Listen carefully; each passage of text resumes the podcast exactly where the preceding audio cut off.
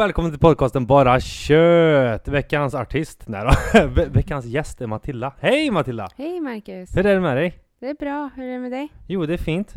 Härligt. Eh, jo, det är fint, fint. Det är lite sleten. Så säger jag alltid, jag är sleten. Men vem fan, vem fan är inte sleten då? Ja, Ja, jag är ju gammal nu. Jag är ju 30. 30. Ja, Ja. det är slut nu. Ja. Det är färdigt. Nej men det här med ålder. Hur, hur känner du inför det liksom? Känner du att du är gammal liksom? Ja, Ja, du är ju 24 ibland, kan vi säga då. Ibland när man ser yngre, Mhm. typ ungdomar, så känner man att man blir lite varse om att man är gammal. Jaha, på vilket sätt då? då? Nej men jag vet inte, typ så här om man ser typ ett un- ungdomsgäng kanske på 16 till 18 år någonting och så bara Aha, så Ja, står det en så bara- klunga sådär liksom och bara ah, Ja. pratar och så tänker man så här, vad fan pratar de om? Ja, Man, man känner sig inte alls med liksom. nej och sen att man själv bara, ja ah, just det jag är 24 nu. Mm. Jag är inte 20 längre, jag är inte gammal. 18. Nej. Det är så här, mm. Ja, men det går i olika cykler det där. Jag vet jag hade jätte eh, många sådana här tankar när jag var, ja men säg så här, ja men kanske i början av 20-årsåldern, att min hjärna förändrades. Jag tänkte så här, ja men nu är jag ju gammal. Och så har du Mm. tänkt så varandra, ja, varannat år eller vad man säger liksom. Och tänkt så här, men fan, precis som min ny drivrutin igen. Känner du igen det? Att det blir så här, oj, nu är jag inte med på det där, eller oj, ja, det här bryr jag mig inte om riktigt. Ja, men ibland kan jag också känna att jag inte är så gammal. Det har jag varit med om också.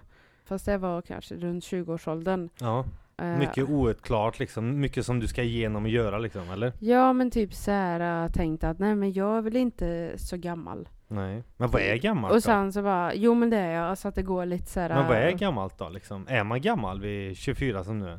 Om man går förbi ett gäng 18-åringar, det är klart man känner sig gammal. Men sen om man skulle gå förbi någon som är 40-50, då känner man ju inte sig gammal heller. Alltså det beror ju på vad man jämför sig med också. Känner vad är gammalt liksom? Man känner sig plötsligt eh, ung då i så fall. Ja, men lite det här är olika beroende på situation också. Ibland kan jag tycka så här, ja men det är skönt. De har inte de här bekymren, de här tankarna och, och tänka liksom. Eller ja, min, min 20-årsålder var ju mer eh, kantat av eh, liksom jobbigare grejer sådär. Alltså jag vet inte. Men jag, jag kan alltid tänka när jag ser grupper av människor, ja men nu ska de hitta sin plats här i världen och eh, liksom Mm. gå på de här misstagen och ja förhoppningsvis blir det ganska snälla misstag då men det där Mm. kan jag känna igen jättemycket. Ja, men man gjorde saker på ett annat sätt också. Ja men det är Så klart. där man bara, mm, Man, man så hade ju mer eh, ett annat umgänge också. Ja, Men jag kan bara prata för mig själv, men jag, jag hade ju, jag vet när jag var yngre sådär, då, då var vi alltid runt i ungdoms, eh, eh, vad fan heter det då? Eh, Vad säger man? gäng. Nej, inte, inte gäng då som är kriminell, Öj, vad heter han bror? Nej, nej inte så, men ehm, men gud, ungdomsgård, säger man så? Jaha, Det låter som en ja, jävla ja, ja. anstalt. Ja. Ungdomsgården har satt inne. Två år för rån en dime. Nej men, ja men typ som eh, man träffades där och liksom umgicks, så det var en stor Mm. grej liksom. De, de Ja. tror jag inte finns kvar längre i den utsträckningen, för jag tyckte, Mm. jag tyckte nästan alla var där liksom. Eh, Alla man, man kände runt omkring och de umgicks med i skolan liksom, att man var Mm. där. Det var mycket fika, du vet, café hade de där. Vi åt Mm. kanelbullar och liksom sådär. Ja, som man gillade och köpte dricka och då var det mer samhörighet där liksom. Och sen Mm. efteråt så, de stängde ju ganska sent, jag tror typ såhär 11-12 eller någonting. Det var, Mm. ga- det, det var ju ganska sent ändå, när man var 15-16 så. Ja. Och så, sen hängde man där. Men nu ser jag liksom de här klungorna av folk. Men jag tycker det Mm. blir väl sämre och sämre med att fånga upp ungdomar och ha något ställe att vara. Mm. För, Ja. för jag ser ju ofta när vi är ja, men runt sådär eh, och så ser man att ah, folk står i klungor sådär och tänker så här, gjorde jag så? Nej jag vet inte, jag kanske inte gjorde så. Jag kanske nog var på eh, ungdomshuset då eller liksom det där. Jag vet att när jag gick i skolan så fanns det en fritidsgård som var i typ samma lokaler och sådär. Jag tror, var det Ah. inte lite så att det fanns olika på olika områden kanske? Aha, olika grupp, eller olika åldrar då? Nej eller? men alltså olika fritidsgårdar, typ eh, att det fanns i olika områden och till, eh, eller inte att de tillhörde skolan men att de var i närheten. Aha, okej. Har jag för mig, så var det i alla fall eh, i, när jag gick i lågstadiet. Så vet jag att eh, låg, eh, mellanstadiet kanske det blir. Då hade de ju en fritidsgård på den skolan där som jag men- gick. Men i alla fall, det, det känns som inte. det är mer, eh, det var mer förr liksom. Att man hade, att Mm. man hade något ställe att gå till. Nu känns det som de inte alls det. Men Mm. vad vet man, de kanske har en ungdomsår också. Ja. Men just det att man, man känner att det, det är så många som är liksom, de går ju runt i grupper så här och försöker hitta sin plats. Och det känner jag igen i. För så Mm. gjorde ju en annan också. Ja, ja, ja. Men, men mer, jag, jag var mer liksom att jag hittade väl två, tre stycken man, man umgicks med till slut och, och hade liksom sin lilla kärna då som man kollar film med och sånt där. Och sen var jag ju väldigt tidig med, ja just som jag berättade om tidigare i podden också med mitt eh, alkoholmissbruk också. Det var ju kretsade ju mycket kring det i unga år. Mm. Att man var ute och ja, skulle hitta någon utköpare någonting sånt där. Det var en stor del av det. Och, och då var det kanske inte så fokus med att eh, vara med i de här eh, träffarna eller att man gick på eh, ungdomsgården då liksom. Utan då var det mer att man hade den här lilla klicken. Vilket var väldigt destruktivt. Men det fattar man ju inte då. Nej. Men, men det, det är en svår grej det där. Och det är ju liksom betydande också den kretsen man träffar vid, vid den åldern. Man formas ju jättemycket där. Alltså jag valde ju ett dåligt umgänge då, kan man säga. Tog en annan vändning fort och att man hittade en viss typ av grupp som kanske var lite mer, ja, inom citattecken, eh, risky eller liksom rebeller. Förstår du? Mm, ja.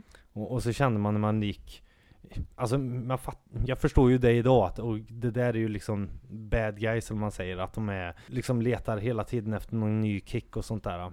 Mm. Men eh, då var det ju bara en självklarhet för en att att just gå in i dem, de gängen. Det låter så fint när jag säger gäng men Ja. du förstår vad jag menar.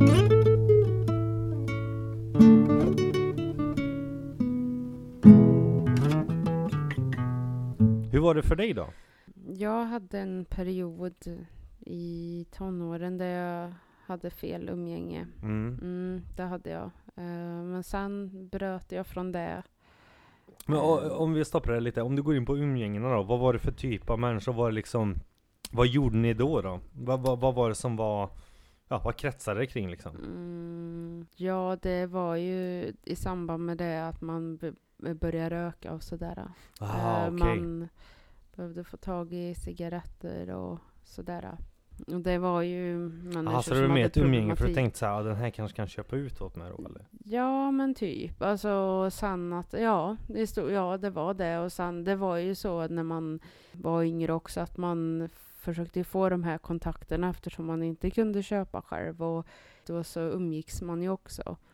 För att, eh, ja, för att få tag i det liksom. Och rökte och stod och hängde liksom på fel platser och... Man är ju Så- formbar under den här perioden också. Ja. Man är ju verkligen så här, man, man, man dras ju till liksom, ja men som du säger, du, du började röka där du behövde någon som Mm, köpte ut för man hade ju inte åldern in och sånt där. mm. Men, men det drar ju med sig så mycket annat.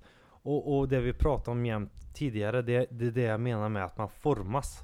Att man Mm. går in i olika perioder och tänker, ja men nu är det så här, nu är det så här, nu är det så här. Att man liksom, Mm. det formar en så tidigt.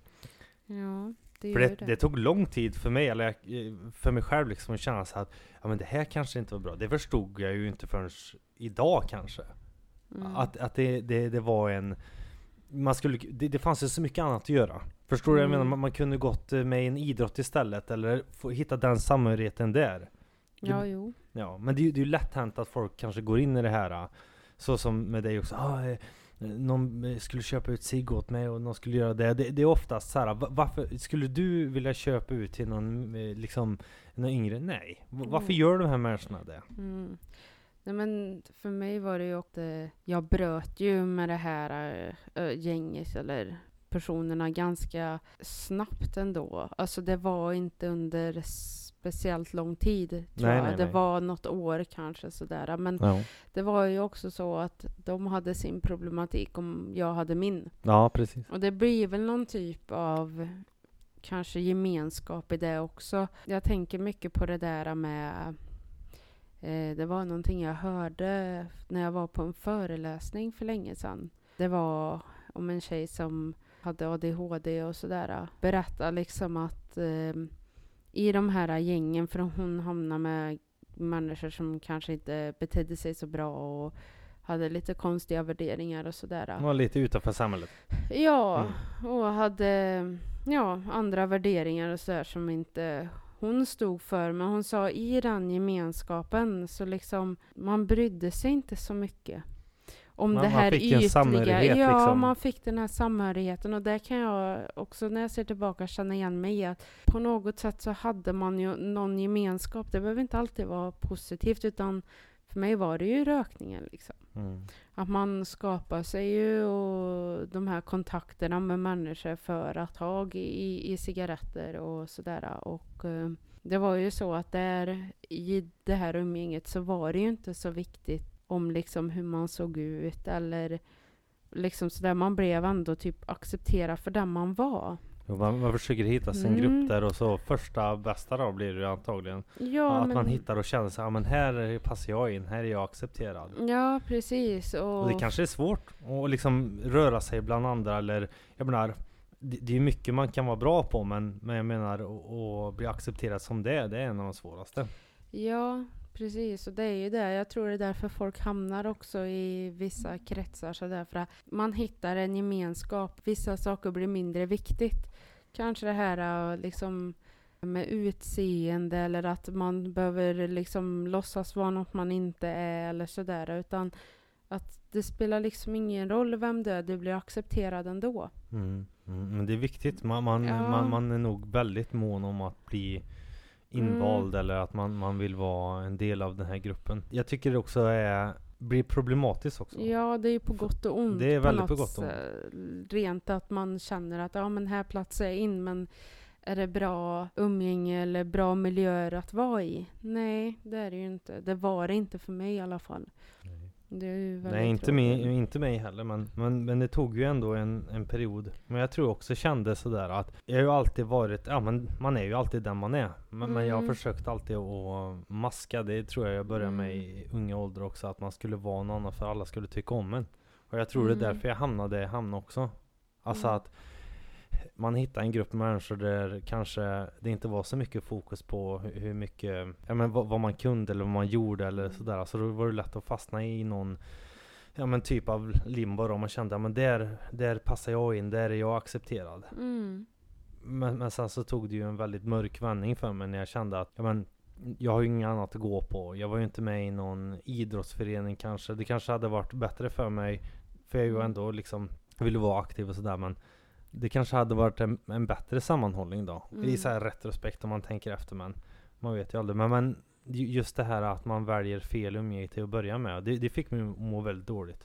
Mm. Sen för att jag, alltså någonting stämmer ju inte när man inte vill säga Vem har du varit med? Frågade föräldrarna liksom. Mm. Bara, Nej, inte den, den, ja inte den i alla fall. Så var det ett namn som man umgicks med och som dök upp där och man kände nej, nej, hehe. man försökte alltid dölja det. Mm. Och, och, det var ju, de hade väl sett någonting då som man själv inte såg. För man tänkte, ja men Mm. vad vet de liksom vid den åldern? Mm. Men nu förstod jag ju vad de menar om men Mm. eh, det, det är ju inte långt senare först att man förstår det. Mm. Jo men så är det ju. Men jag vet också, eh, de hade ju missbruksproblem de jag umgicks med. Mm. Och jag känner ändå en stor trygghet i att jag aldrig provade på något annat. Alltså Nej. något tyngre droger eller sådär, det har jag aldrig gjort. Utan det kan jag se tillbaka på och känna en stor trygghet i att jag aldrig liksom gick över den gränsen hos mig själv. För Nej. att det fanns runt om mig. Det var liksom att någon kunde gå iväg en stund och ta någonting. Och liksom det var mycket sådär, men ändå så kände jag i mig själv att nej, men det här är inte bra för mig. Och det var det som blev också en, en eh, att jag bröt med dem. Och det, det känner jag en stor trygghet i idag, att, det, att man inte gick över den gränsen. Nej man hade ju ändå en moralkompass till, Ja. till, till den månaden att man inte Jag håller väl med till viss del Men, men jag känner att Mm. det blev ju ändå någonting som fastnade i mig och det var ju alkoholen på, på den Ja. tiden Och det tog ju väldigt lång tid innan man förstod att Alltså om, man säger, om man mäter i etage sådär Alkoholen Mm. var ju det som låg över allting annat När jag Mm. väl blev fri från alkoholen eller eh, när jag blev nykter alkoholist då, då började jag bearbeta med vad, vad det verkligen gällde. Att man inte Mm. mådde bra. Det här med maskningen, eh, det här med att man försöker vara någonting man inte är, Mm. försöker hitta tillhörighet. Och liksom, det, det är precis som man betar av en, en lök liksom. Första lagret, då betar jag av, eh, eh, liksom förstå problematiken i att jag var alkoholberoende. Och när jag förstod det att ja, men jag är nykter alkoholist. Mm. Det var då jag började liksom skrapa på det här. Ja, men du har nog inte mått så bra. Varför gjorde du så här Marcus? Va- varför gick du tillbaka till, ehm, till ruta ett hela tiden? Varför löste du inte några problem istället? Va- varför liksom gav du upp? Ja men det var för det enda jag visste. För att Mm. ja, när det väl gällde eller de stöden man hade var ju väldigt få. Och då kände jag, ja men det var, jag mår ju dåligt, jag maskar ju. Jag försöker ju vara alla andra till lags. Mm. Och då börjar man beta på det. Så det Mm. grundar ju sig i, själva alkoholberoendet grundar ju sig i en psykisk ohälsa. Att jag mått dåligt, att jag maskar, att jag har sagt ja när jag skulle säga nej. Att jag inte har stått upp för mig själv i de lägena. Mm. Eh, när jag borde, när jag verkligen borde. Och så Mm. börjar man arbeta på det. Så det går ju neråt och neråt och neråt liksom. det- Till man kommer till kärnan. Och jag Mm. tror det handlar om det liksom. Så Att jag Mm. ville ha en samhörighet. Att jag ville ha förståelse för den jag är. Att jag, jag inte skulle behöva känna mig rädd för att jag är bara den jag är. Mm. Och sen har man hållit på i många år och liksom varit den här äh, glada killen som bara säger ja till allting och bara äh, finns där för alla andra vänner och så, och så ähm, ger de ingenting tillbaka. Mm. Och det är mycket det som ligger och grubblar i mig, eller låg och grodde i mig. Och som Mm. jag inte förstod förrän ja, nu senare, nu när jag är liksom 30 liksom att Mm. det har gått så lång tid liksom. Jag vet också Mm. tagit upp tidigare podden men det är fortfarande viktigt för att det är precis som att skala av någonting. Alla mår dåligt, absolut, alla mår Mm. dåligt. Men det, ju, det, det finns ju liksom olika grader. Du ska Mm. inte behöva täcka dig själv med olika eh, varianter för att folk ska tycka om dig. Du ska tycka Mm. om dig själv. Mm. Absolut. För, för du är ju väldigt lätt mål också för, för att må dåligt. När du försöker hela tiden vara andra till lags. Mm. Det är precis som du lever någon annans liv. Ja. Så kommer du hem kanske och känner så här, men det här är ju inte jag egentligen. Varför stod jag inte upp för mig där? Jag håller inte med om den här åsikten. Men, eh, ja, men det, är, en- det är en lång väg.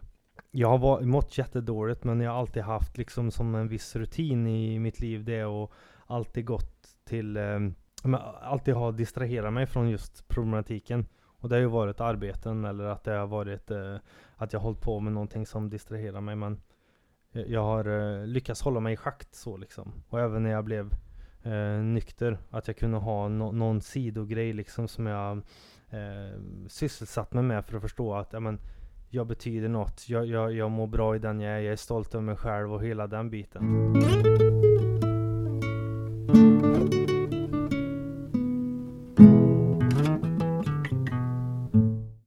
Hur- är det för dig då Matilda? Hur, hur känner du det har varit genom åren eh, om man tänker på att må då- dåligt? Jag har ju mått dåligt hela min tonårsperiod. Ja. Och även eh, tidigare i barndomen när man var kanske ja, runt tioårsåldern, lite där innan. Och det har ju varit delar på vägen som har förvärrat det också.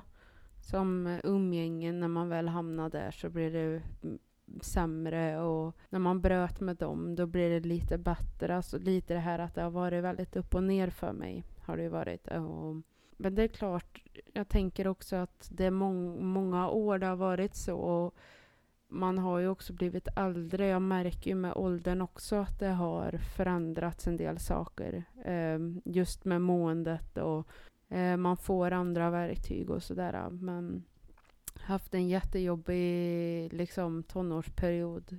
Det har jag. Men, men jag sitter ju, vi båda sitter ju här och mår någorlunda bra idag. Eh, Mm. Jag vet ju min liksom eh, brytlinje. Alltså Mm. ju, just när det gäller eh, att bli nykter alkoholist. Det var ju, eh, jag hade hållit på i många år, varit på, no, på och avvara sådär. Och jag vet Mm. Exakt den dagen det liksom vände för mig. Det var när jag kände att hela livet är, det är som en jävla karusell. Om du inte Mm. stannar nu Marcus, då, då, då är det liksom döden som gäller. Du Mm. får välja mellan liv och död. Och jag valde ju såklart livet. För jag har en Mm. stor livsglädje, jag vill leva liksom. Mm. Och då vet jag just den dagen när jag, när jag känner så här att du kan inte hålla på så här. Livet är mer än vad det här är att erbjuda. Det, du behöver inte må dåligt. Du behöver inte känna att livet är piss liksom. Mm. Och det, det var just en vändpunkt i en eh, decemberdag. Jag vet att jag satte mig ner och så bara kom det över mig. Då vet jag, jag tog telefonen, eh, skrev till eh, sjukvården. Och då vet jag att det är min brytpunkt. För, för det, är då, det är lite dag och natt. För då kände jag så här. Jag erkänner för mig själv att du har problem. Mm. Jag, jag har problem och jag vill leva. Mm. Men jag är inte stark nog för att göra det själv nu. Så snälla, hjälp mig. Och då Mm. fick jag hjälp. Men, och det är ju en lång, lång resa såklart. Men Mm. då vet jag att det var brytpunkten. Har du någon sån? Oj. Ja, men För du har ju levt med depression va? ja. Utbrändhet och så har jag diagnoser. Ja.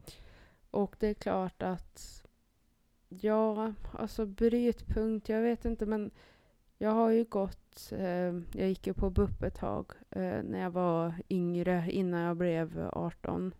Det var under högstadieperioden och eh, lite in på gymnasiet. Men jag vet efter det så blev det lite ett stopp där och sen som jag, jag har pratat om tidigare i podd också, det är ju det här med att jag försökte ta livet av mig. Och efter det, det var ju då jag liksom sökte hjälp på riktigt så. Så det är väl en typ, eller jag vet inte om det är en brytpunkt, men det är ju ändå... En början för- till förbättring i alla fall. Ja, det så var det med mig, ja. det var ju inte så här dag och natt Nej, att, precis. och nu blir det bra, Nej. utan det är, man pratar ju ändå Ja. många år av Mm. behandlingar, KBT och liksom Ja. och, och lära känna sig själv och må bättre. Men Ja. jag vet just, det var min brytpunkt. Mm. Men du hade den där då liksom? Ja, men lite att då, då var det ju att man började liksom få den här hjälpen på riktigt lite grann. Ja. Att man förstod allvaret. Men sen så tycker jag väl att den största brytpunkten är ju ändå när jag fick mina diagnoser. För då var det liksom att nu, nu förstod man ju sig själv och allt det här och fick de här verktygen man det måste behöver. också varit jättetufft liksom. Och, och känna, liksom nu har jag gått i, i, i så stor del av mitt liv och, och varit ovetande på hur jag, hur jag fungerar. Jag brukar skämta med att säga så här, liksom, nu fick du din manual, nu vet du hur man funkar. Mm, Ja. Jo men det är klart, det var en stor sorg i det såklart på något sätt. När man fick beskedet också för att det var så här. Här har jag gått i alla år, haft en problematik man har haft och sen förstår man att det är relaterat till de här funktionsnedsättningarna liksom. Mm. Bättre sent än aldrig. Alltså det var ändå det här att nu, nu har jag liksom fått bekräftat att det är så här. Nu har jag rätt till det här stödet om jag behöver och, och så där. Så att det är ju lite delat där vad man känner så. Men det är väl den största. Efter det känner jag att det har inte varit lika mycket eh, neråt. Sen det här med depressionen, det är klart det har varit många år man jobbar med det. Det gjorde jag ju innan. Ungefär två år innan började den här utredningen. Så att jag menar det är liksom svårt att säga exakt vart det börjar med den här brytpunkten. För att det har ju varit så mycket upp och ner. Men jag tycker att vissa av de här äh, sakerna som har hänt har ju liksom lett till någonting. Och det där kan jag väl ändå se som en knuff i rätt riktning. Eller vad säger man? Push i rätt Mm. riktning. Så, så Jo men, men början på en förändring, Mm. det är ju lite olika mellan oss två också. Det, det är klart att jag, jag har ju haft en eh, missbruksproblematik och Mm. du har haft liksom en eh, utbrändhet och, och depression där i, i botten. ja. Och, och jag menar det är klart, man, man kan aldrig säga åh här börjar det förändras utan det är ju successivt det blir bättre. Ja. Men jag menar, vad, vad har du gjort för att bibehålla uppgången? Eh, Det, det kommer ju duster av att man inte mår så bra. Mm. Men vad är det som gör det att du inte går till det mörka stället igen? Det är att jag har fått förståelse för hur jag fungerar. Det som jag tycker kan påverka mig än idag då, när det går neråt, det är ju just det här att man att jag bråkar mycket med mig själv. Och inte riktigt har till 100% accepterat att jag har de här diagnoserna eller att jag funkar på ett visst sätt eller att jag inte klarar av vissa saker och så. Så det är mer liksom, vad säger man? Ja, men det är väl lite en del av vem jag är och hur jag fungerar i vardagen. Förut var det ju mer det här med ja, men att man inte ville leva och man såg liksom inget hopp och, om framtiden eller sådär. Och där ser jag ju stora skillnader liksom. Så att idag faller jag inte så djupt ner och känner att livet inte är värt det. Utan nu är det mer en problematik som jag är medveten om. Så att då försöker jag alltid påminna mig om att ja men du har de här svårigheterna, var inte för hård mot dig själv och ändå liksom finna en acceptans i det men samtidigt inte bara ge upp allting.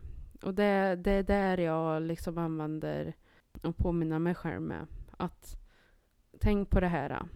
Liksom påminna mig själv om du är den du är, du gör så gott du kan och lite sådär för att hålla i kvar liksom. Men jag, jag, jag tyckte det var läskigt där i, i eh, början det här med att när, när jag tänker efter hur jag var förut. Mm. Det, det är så läskigt att man var så nära livhanken liksom. Att man Mm. hela tiden var och dansade med djävulen liksom, eller vad man säger. Ja. Att man hela tiden, ja men inte det här konsekvenstänket, att man hela tiden trodde att man sket i det liksom. Mm. Den är jag mest rädd för. Mm. Jag vet inte om du känner igen det, men att man känner verkligen att man inte bryr sig. Mm. Ja. Vad som händer, alltså. Jag, jag vet vi har olika problematik, men just det här att ma- man ha- har verkligen inget tycke och man bryr sig inte vad som händer dagen efter. Alltså jag kunde ju varit så här, speciellt högtider. Jag skiter i vad som händer imorgon. Mm. Jag, jag, alltså Mm. förstår du att jag är verkligen nollad där. Mm. Och det kan skrämma mig än idag, hur jag kunde vara så. Mm. Men det är ju för att man inte mådde bra och man kände verkligen inte att det fanns någon, någonting annat att greppa. Man kände sig Mm. så värdelös på något vis. Att man inte var värd det här kanske, sådana tankar gick ju Mm. så här, men Den är jag mest rädd för och det har aldrig kommit på tanke på mig igen sådär. Men det tror jag också för att man har fått så bra hjälp. Mm. Och ja, att man- verktyg. Ja, verkligen. Och att, och att man eh, älskar sig själv idag. Mm. Eller älskar, men, men att man tycker bra om sig själv och man Mm. mår bra i att vara i sitt eget sällskap. Mm. Men jag vet att det är också en sån sak som fick det att, att vända för mig i, i tankarna. Det var ju när, vad kallar man det, nära döden upplevelse eller vad, jag vet inte, kallas det Jo, så? men det ja. Jo men just det här att man, man förstår när man ser tillbaka att man kunde lika gärna varit död. Mm, ja, och då, då, ja men det blir också så här att för mig blir det också så här att då börjar jag tänka om och liksom förstod att det kunde ha slutat där. Mm, mm. Och det, det kan jag känna idag när jag ser tillbaka också att det, det är väldigt skrämmande men det, det är också det här med att vad långt jag har kommit från att ha varit liksom där att jag vill inte leva längre till och ändå tycka om livet och jobba sig framåt. Det tycker jag är väldigt stort och en fantastisk vändning att man i huvudet tänker så annorlunda. Väldigt härligt. Man får uttrycka sig så. Mm. Men, men jag känner, det, det är ju det som är problemet med, med eh, att man inte mår bra på insidan. Det är Mm. att, alltså en själv kanske, jag, jag vet att jag var väldigt omottaglig för hjälp.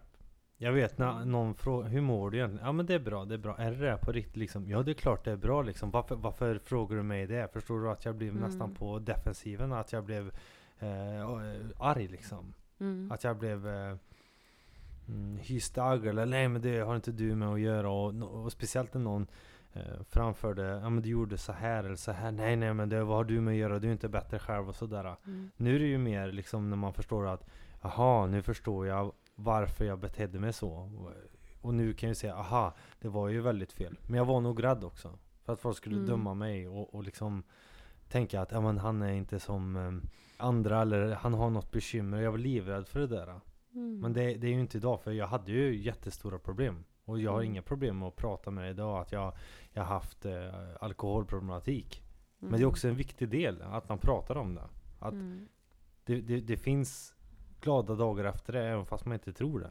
Mm. Jag, jag vet, jag, jag var, jag hade panikattacker i väldigt många år. Man kunde vakna om morgonen, det var tryck under bröstet och du visste inte vad det var. Eller så var det liksom att det var någon speciell situation eller att det var någon form av trigger eller när man såg liksom saker man inte mådde bra av. Då blev det verkligen tryck över bröstet. Och det kan liknas med liksom, man tror att man ska dö helt enkelt. Första gången jag hade Mm. det blev jag livrädd. Eh, fick sätta mig ambulans in till eh, sjukhuset. Jag tror, ja men nu är det här sista dagarna liksom. Och Mm. kommer ihåg att läkaren kom in och pratade med mig. Ja men du har upplevt en panikattack och liksom hemskt. Mm. Ja men att liksom, ja men det här är ju inte hälsosamt. Och alltså Mm. Det känns som du ska dö, du är ju inte nära så. Men jag menar, när kroppen är stressad så andas du väldigt kort. Mm. Och då är du väldigt uppe i halsen. Och det gör ju att du känner att, men jag får ingen luft liksom. Du Mm. får panik. Och du, Mm. paniken gör att det blir ännu värre. Och jag vet, panikattackerna eller det här trycket över bröstet. Det levde jag med i många år. Det var inte förrän kanske något år sedan som det började släppa. För att Mm. man började bli mer balans och man kände, lärde sig andas ordentligt och liksom bara ta det lugnt. Men jag menar, Mm. det skulle jag inte vilja ge min värsta fiende ens en gång.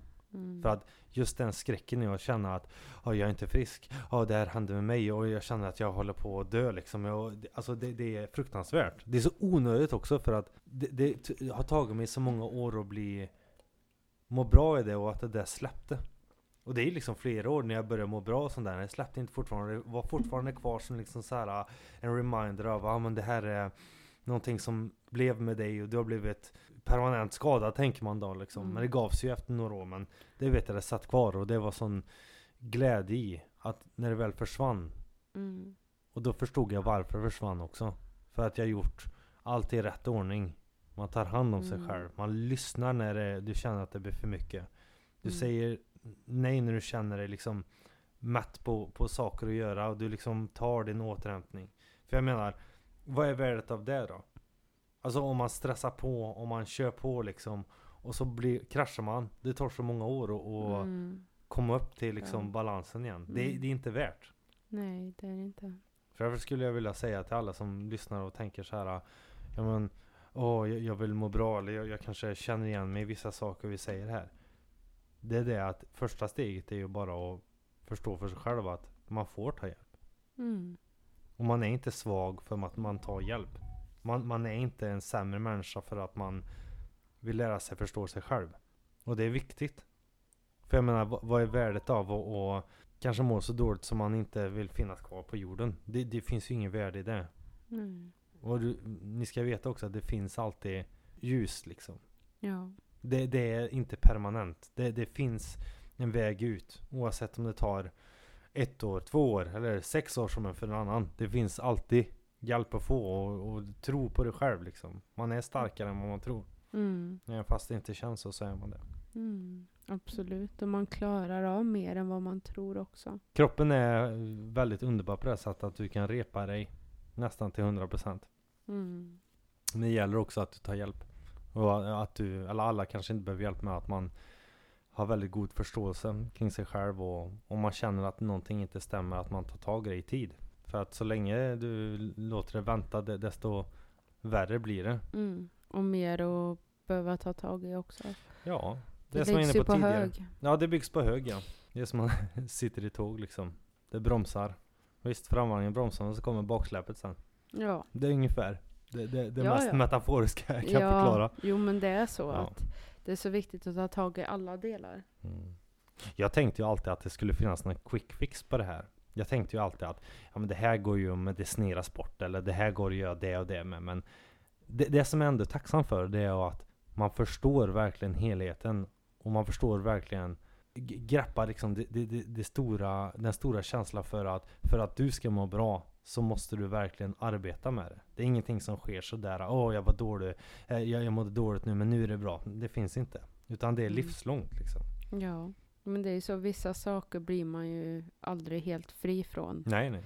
Men det, det är ju att hitta de här strategierna för att hålla den här balansen. Men också att man sätter sig själv i första rummet och man verkligen bryr sig om sig själv och förstår att man är den viktigaste personen i sitt eget liv. Ja men det är man. man, man kan, alltså, det är inte egoistiskt. Utan det, det är en fråga om, ska du må bra eller inte? Mm. Om du ser till människor runt omkring dig, även familj eller vänner eller liksom partner eller vad som helst. Det, det, är, väldigt, men det är väldigt svårt att få, få någon liksom att förstå det här. Ingen förtjänar att må dåligt. Mm. Alla förtjänar att må bra. Mm. Ja, absolut. Det är viktigt att tänka så i sig själv också, att jag förtjänar att må bra. Ja. Det är någonting man kan tänka mycket för sig själv. Alltså använda, tänka just det här i jag-form. Mm. Jag förtjänar att må bra. Jag är bra som jag är. Jag duger som jag är. Liksom att man pratar med sig själv, liksom att man säger just ordet jag. Mm, mm. Man Det, sätter sig själv i fokus ja. mm, det, det kan också stärka en själv. Alltså jag har försökt att tänka så om mig själv att ja men jag duger som jag är. Liksom, jag gör det bästa jag kan. Eh, jag inte är sätta för hög tillräcklig. press på sig Mm. heller. Men just att jag försöker boosta mig själv och tänka, tänka så liksom. Men få in det i mitt eget huvud och, och, och få en annan uppfattning om mig själv. En positiv uppfattning om mig själv, vem jag är. Och det är jättesvårt. Alltså, det känns ju liksom, man ska ju, jag tycker ju att man ska, jag tycker att man ska vara sin egen bästa vän. Man ska Mm. vara bästa vän med sig Mm, själv. Jag håller helt med dig. Håller helt med dig. Liksom för att, och man kan se sig själv som en vän också. Liksom att, precis som man är snäll mot andra vänner så ska man vara snäll mot sig själv. Absolut, jag håller med dig till fullo.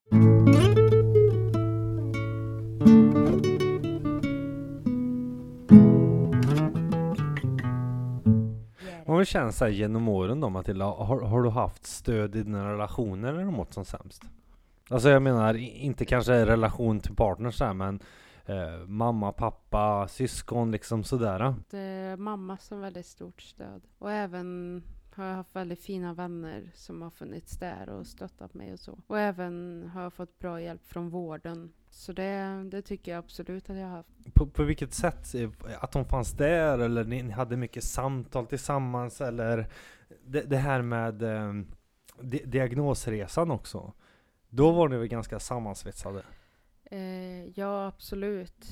Ehm, eh, så är det ju att eh, när jag skulle iväg och göra den här utredningen så var det ju mamma jag hade med mig. Eftersom det finns i familjen och så. Så att ehm, absolut, väldigt bra stöd ifrån henne. Och hon har hjälpt mig mycket med vårdkontakter och andra liksom.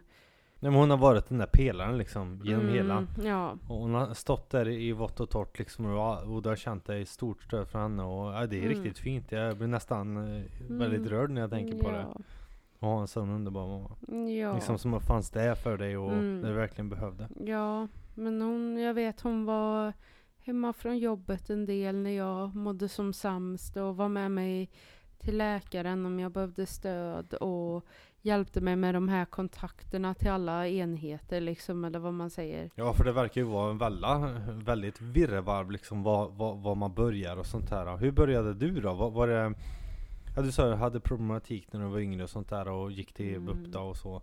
Men, men när, eh, när blev det av liksom? När, när tänkte du ja, men nu ska jag göra den här utredningen? Och då var du 20? Ja, 21. 21 okej ja. Mm. Men det började med när jag gick i, nu ska vi säga, jag tror det var sjuan eller åttan. Då, då sa jag det, det, då mådde jag dåligt och var hemma från skolan en period. Och när jag sa det till mamma att nu orkar inte jag något mer, då, då ringde hon till eh, vården och de eh, rekommenderade att ah, men hör av er till BUP. Och det var ju där liksom den här resan började med första liksom riktiga vårdkontakten så. Eh, men sen så tog ju det slut och sen kom det ju efter mitt självmordsförsök där den här med psykiatrin, då var jag också vuxen ålder. Men jag gick ju på eh, terapi, i terapi eller samtal med kurator i ungefär eh, två år. Och sen börjar man kolla på utredning, eh, alltså att det, om det kunde vara en diagnos ehm, och så. Och det var ju där sen man remitterade vidare och så gjorde jag utredningen. Så att det har ju varit liksom lite upp och ner med det här med vården och vissa perioder av min tonårstid och så att jag har sökt hjälp och sen att jag inte har haft någon vårdkontakt eller hjälp så, stöd. ehm, med någon samtalskontakt utan det har varit liksom lite emellan där, där det inte har varit jätte vad säger man, jätteproblematiskt så. Um, så att um, det har varit lite upp och ner men sen 2019 gjorde jag den här utredningen. Mm. Men det, det, det är ju bra att ha liksom en god relation. Du verkar ju ha en jättebra relation till din, din, din mamma där liksom. Mm, Men det är viktigt att ha också så här, vissa stöttepelare i livet.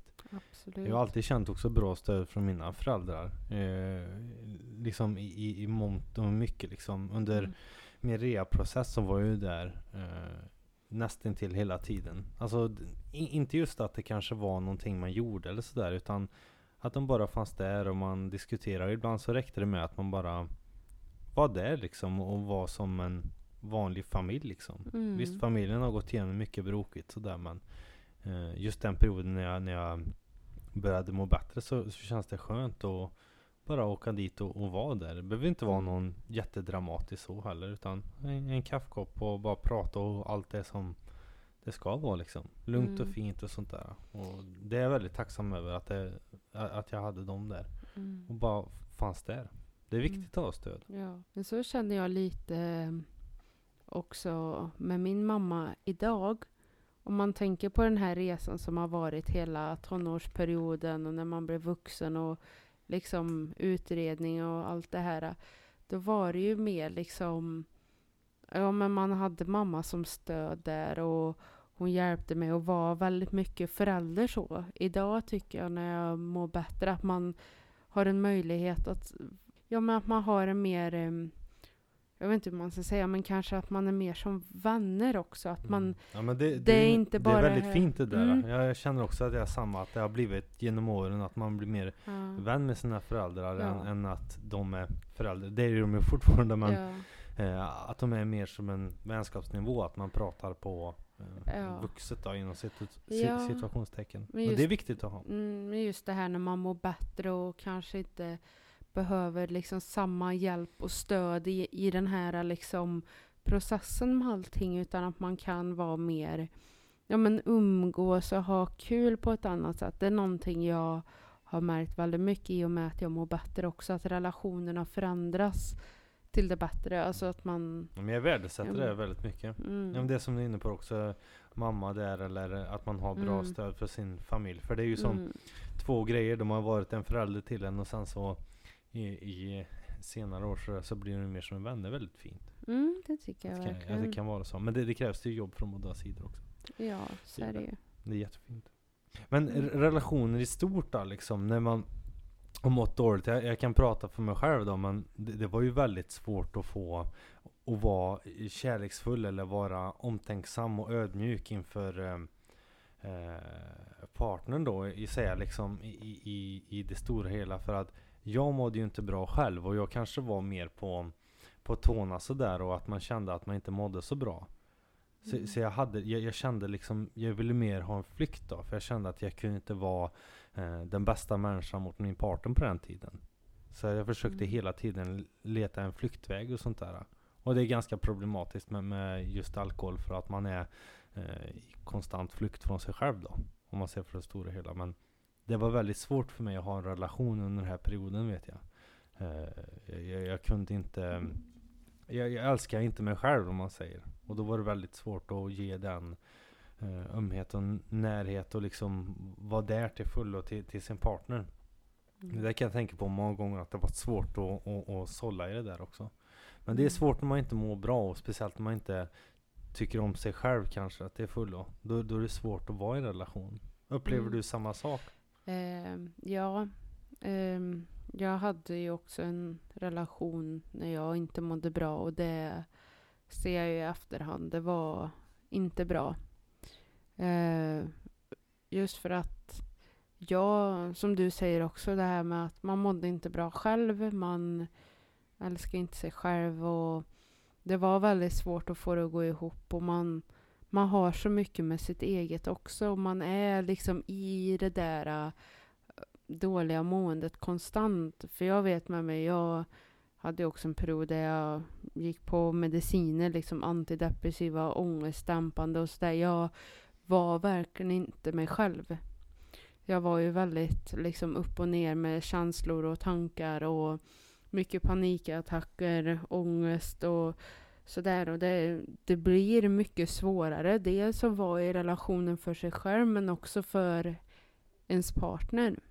Mm, jag, jag det vet. märker jag liksom i efterhand också att men gud, det kan ju inte ha varit lätt för den personen heller. Att man, man liksom ser det här från båda hållen att, och förstår att relationer när man inte mår bra själv, det, det är väldigt komplicerat. Alltså Det är lite som man har skygglappar. Man, man ser det Mm. väldigt med tunnelseende sådär. att mm, Jag mår dåligt idag. Eh, försök liksom att, att hålla en bra balans i det där och så räckte det med något lite. För en själv Mm. att jag inte kunde vara eh, ja men ka- kanske lika medgörlig eller liksom allting blev en fight till slut. Aj, aj, det gick liksom inte att ta någon diskussion eller någonting. Allting blev så, så liksom nära med en gång och jag kände jag kan inte vara en bra partner och liksom det, det är svårt för att det är ganska tragiskt egentligen för att man mår så dåligt själv och man känner så här att det, det är också en grej att man kan aldrig få en annan att förstå vad som försiggår i sitt eget huvud. Det är jättesvårt att förmedla Mm, också. mm. Alltså alla har ju sin egen eh, tolkning av ah, jag mår inte bra och då kanske den personens eh, jag mår inte bra i det här kanske mer Mm. lightare variant liksom. Men det, det, det, jag kan tycka också är svårt att uttrycka sig själv. Eh, någonting jag har lärt mig nu när, när det har gått eh, när, jag, när jag fått rätt verktyg eh, menar jag. Och, och då blir det mycket lättare att förstå att men det här och det här, nu mår jag så här. Och då får jag Mm. större förståelse när jag verkligen är tydlig med det. Förut så kanske det Mm. bara varit att jag sagt Jag mår inte bra idag. Men vadå, jag mår inte bra idag? Och det blir ingen förklaring för det. Mm. Och det, det var väldigt svårt vet jag. För att då, då har man ju det här orosmolnet i sig själv och så eh, kanske partnern börjar tänka liksom att ja, men, är det någonting som har hänt, är det någonting som gjort? Och så blir det som en Mm. stor grej i det och då kanske man inte är den bästa partnern heller. Mm. Det, det tycker jag är lite tragiskt och ledsamt i det hela men när man börjar må bättre förstod man ju att det här kanske aldrig skulle vara det, det kanske hade gett sin tid också. Att man kände att det har gått så lång tid, det har gått så mycket eh, tid förbi liksom. V- vad säger man? Va- Vatten under bron. Mm. Så, så att det var oreparerbart till sl- slutändan liksom. Mm. Och, och det är svårt att ha relationer med mår dåligt, det är det. Ja. ja, jag vet med mig. Jag var, blev väldigt känslomässigt ostabil också. Mm. För att det var så mycket för mig eh, som hände vid den här tidpunkten. Och just det här att eh, när man också, eller när jag tappade liksom kontrollen över mig själv och mitt eget mående så blev jag ju också väldigt liksom desperat över att försöka och hålla i en annan människa. Det här med att man söker den här tryggheten, att man är, man är så liksom sårbar och ja, men, inte sig själv och man är så ledsen och allt sånt där. Att man, man liksom försöker att hitta den här lyckan i, i en annan människa. Det har jag blivit varse om på senare år. att Herregud, hur, vad gjorde jag liksom? Och jag tänker det liksom vilken skillnad det var när man började jobba med sig själv och förstod liksom och kände jag kände också det här att mer, jag behöver inte någon för att må Nej. bra själv. Nej. Och det tycker jag har varit en väldigt stor, vad säger man, uppenbarelse kanske för mig. Och det gjorde liksom att jag kunde liksom släppa andra liksom och jobba mer på mig själv också. Jag hade ju jättesvårt med nya kontakter så jag, eh, Mm. efteråt vet jag. När det känns så att Mm. man, man har varit i, i någonting så länge och så kände jag mig nästan rädd inför eh, att- att träffa nya Mm. eller ha, eh, vad ska man säga, och ta in någon i livet. Så jag Mm. vet, jag, jag var nästan till två, två, två och ett halvt år när jag, jag ville verkligen inte hitta en ny kontakt liksom. Utan jag Mm. ville bara vara med mig själv och förstå mig själv och liksom trivas med sig, sitt eget sällskap. Och det är inte det Mm. lättaste. Nej, Det finns många som kämpar kanske i ett förhållande att man inte tycker om sig själv och sånt där. Mm. Och därför är det viktigt att, att prata om också. För att det, det är nästan, ja, inte det enklaste att göra men, men det är en bra bit på vägen att säga att ja men det här mår jag inte bra av. Det, ibland kan det räcka att man bara startar ett samtal eller att man pratar om det här. Visst det kan vara jobbigt men det blir bra mycket jobbigare om man inte gör det. Absolut. Jag menar det kanske inte blir hållbart till slut heller. För att Mm. när du inte mår bra, då är det svårt att kanalisera liksom och veta hur, hur, hur du ska kanske lägga fram det eller att du, det förväntas av dig att vara på ett visst sätt och så känner du att du inte är det eller mäktar med Mm. att vara så. Det, Mm. det är väldigt svårt. Men det, det finns bra hjälp. Men det, det är inte det lättaste. Nej. Och sen så är det ju det här med som vi har tagit upp också, det här med att ingen annan äger ens egna lycka. Nej, precis. Och jag tänker mycket på det, det är även i relationer också. Olika typer av relationer, att liksom man ska komma ihåg det, att det är ju ingen annan som ansvarar för att man själv ska bli lycklig. Så. Sen det är klart att i relationer det är ju jättepositivt och det är klart att man ska vara med en partner eller en vän eller något som får en att må bra och känna liksom lycka och sådär. Men just det här med, för så var jag, att jag liksom tänkte att den här personen kan göra mig lycklig eller så. Och det, det blir så fel av det också. Ja, nej, tror- ingen, ingen äger din lycka mer än du själv Nej, liksom. Och och det, jag- det är kanske är det när man mår dåligt. Då blir det lätt att man lägger över det ansvaret på någon annan. Att Ja. de här ska göra mig lycklig. Att man lägger du ska göra mig lycklig eller Mm. sådär. Och då, det blir väldigt fel då. Ja. För att du äger din egen lycka. Det är ingen Mm. annan som äger din lycka liksom. Det är inte det. Nej. Du Nej. har hela tiden det större ansvaret att att kämpa för din egen lycka och du Mm. förtjänar att må bra. Och det är ingen annan som liksom ska få dig att må dåligt eller eh, ska, ska sätta dig i, i tankar där du inte där du inte Mm. trivs och mår bra. För då är det någonting som felar. Mm. Utan det är du Mm. här och men, nu men som... så är det, alla, man kan alltid ta sig ur någon, någon Mm. svacka och man kommer alltid gladare ur det. Mm. Eh, det var väldigt tumma, tunga ämnen idag igen. I, Mm. Idag igen.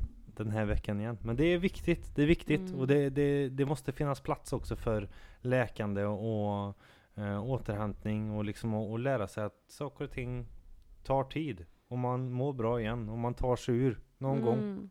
Och det ska inte vara någon tidsbegränsning utan bara att man tänker på att ingen annan äger en lycka. Men Mm. tack för att du var med denna vecka Matilda. Det var jättekul att ha med dig. Ja, tack för att jag fick vara med. Du har lyssnat på Bara Kött.